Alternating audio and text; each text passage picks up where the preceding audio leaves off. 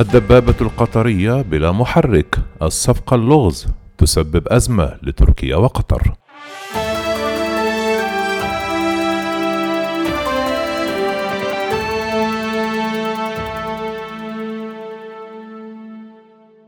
في الوقت الذي تلقت فيه الصناعات العسكرية التركية ضربة موجعة من واشنطن عبر تعرضها لعقوبات غير مسبوقة من الحليف الأمريكي تعرقل العديد من مشروعاتها التسليحية فإن أزمة أخرى يمكن وصفها باللغز. تهدد سلاحا استثمرت فيه قطر وروجت له تركيا على أنه قطعتها الأصلية. فالدبابة التاي التي تعتبرها أنقرة فخر الصناعة المحلية لا تزال في انتظار أهم مكون فيها لتخرج إلى النور وهو المحرك. وتعاقدت إدارة الصناعات الدفاعية التركية مع شركة MTU Engine الألمانية لتزويدها بمحرك من نوع MTU 883 ذو قدرة 1500 حصان لكن الجانب الألماني علق التسليم على مدار عام. وفرضت الولايات المتحدة الأسبوع الماضي عقوبات على إدارة الصناعات الدفاعية التركية ورئيسها إسماعيل دمير. تتضمن العقوبات حظرا على جميع التراخيص وتصاريح التصدير الأمريكية لصالح إدارة الصناعات الدفاعية وتجميد الأصول الخاصة بإسماعيل دمير رئيس إدارة الصناعات الدفاعية ومسؤولين آخرين فيها وفرض قيود التأشيرة عليهم.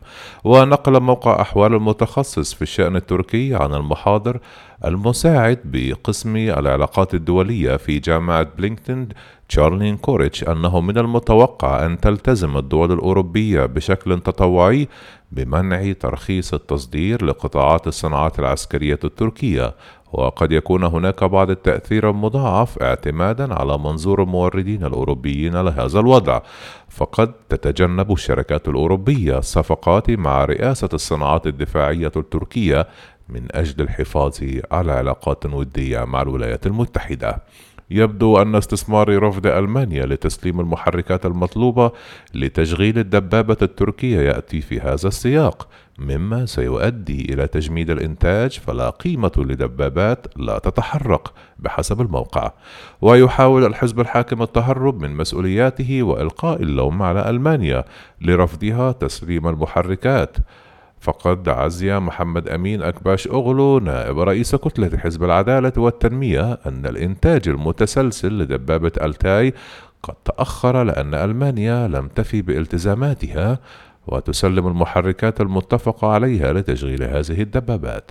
وعلى الرغم من أن بعض مسؤولي حزب العدالة والتنمية يتهمون ألمانيا دون تسمية الشراكة الألمانية إلا أن إسماعيل دمير رئيس إدارة الصناعات الدفاعية التركية قال في يناير المنصرم أخبرتنا شركة MTU Engine في مراسلاتها والاجتماعات الأخيرة أن الأمور ستسير على ما يرام ومنذ ذلك الحين لم يقدم دمير أي بيان آخر بخصوص الشركة الألمانية التي تأخر عليها لمدة عام كامل. المثير في الأمر أن مشروع الدبابة التاي ممول من الحليف القطري الذي بات يضخ أمواله في كافة القطاعات الاقتصادية لإنقاذ أنقرة من أزمة مالية.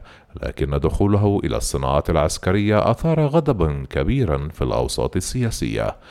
كانت قطر قد وقعت في مارس من عام 2019 مع تركيا صفقة لشراء 100 دبابة تركية من نوع ألتاي قبل أن تقرر الحكومة التركية بيع مصنع للدبابات تابع لوزارة الدفاع لشركة تملك قطر فيها حصة كبيرة وهو مما أثار احتجاجات تركية كبيرة من الأحزاب المعارضة ضد الاستثمارات الدخيلة. وواصل زعيم المعارضة التركية ورئيس حزب الشعب الجمهوري كمال أوغلو تهديده بتأميم الاستثمارات القطرية في بلاده. قال أوغلو في تصريحات صحفية أن الحكومة التركية منحت قطر 500 مليار ليرة بدلا من منحها للتجار ولم يعطي حتى قرش واحد لآلاف التجار. وأعطى خصما قدره 90 مليون دولارا لشركة قطرية دفعة واحدة. وندد خلال مؤتمر صحفي بمنح حصة في مصنع دبابة تركية إلى قطر حيث أكد أن مصنع الدبابات هذا شرف هذا البلد متسائلا. أي من الدول حول العالم تسلم مصنع دبابات لدولة أخرى؟ إذا كان الأمر هكذا فإذا أسست قطر مصنع دبابات فلنقم بالاستفادة منه نحن أيضا. ووفقا لموقع أحوال التركي فإن المكاسب التي اعتقدت قطر أنها ستحققها في هذا المشروع اصطدمت بمشاكل جمة. فقد فرضت الولايات المتحدة الاثنين عقوبات على عدد من الأفراد لارتباطهم بإدارة الصناعات الدفاعية التركية حيث فرضت واشنطن عقوبات على إدارة هذه الصناعات ورئيسها إسماعيل ديمير ووفقا للعقوبات التي أعلنتها وزارة الخزانة الأمريكية لن تتمكن رئاسة الصناعات الدفاعية من الحصول على رخصة تصدير من الولايات المتحدة إلى دول ثالثة ولن تحصل على قروض كبيرة أيضا من الولايات المتحدة والمؤسسات المالية الدولية.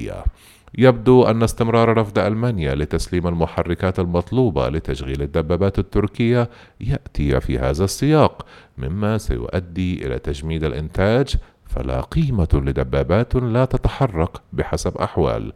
تتهم المعارضة التركية الرئيس التركي رجب طيب أردوغان بأنه أقام صفقات غير واضحة وشبه سرية مع أصدقائه في العائلة المالكة القطرية. ووفقا لأحوال فقد تبدو قطر للوهلة الأولى استفادت من هذه الصفقة ولكن تجميد الإنتاج وعدم قدرة المصنع إثبات نجاح هذه الدبابات بشكل عملي يجعل الشريكين التركي والقطري في خسارة مزدوجة.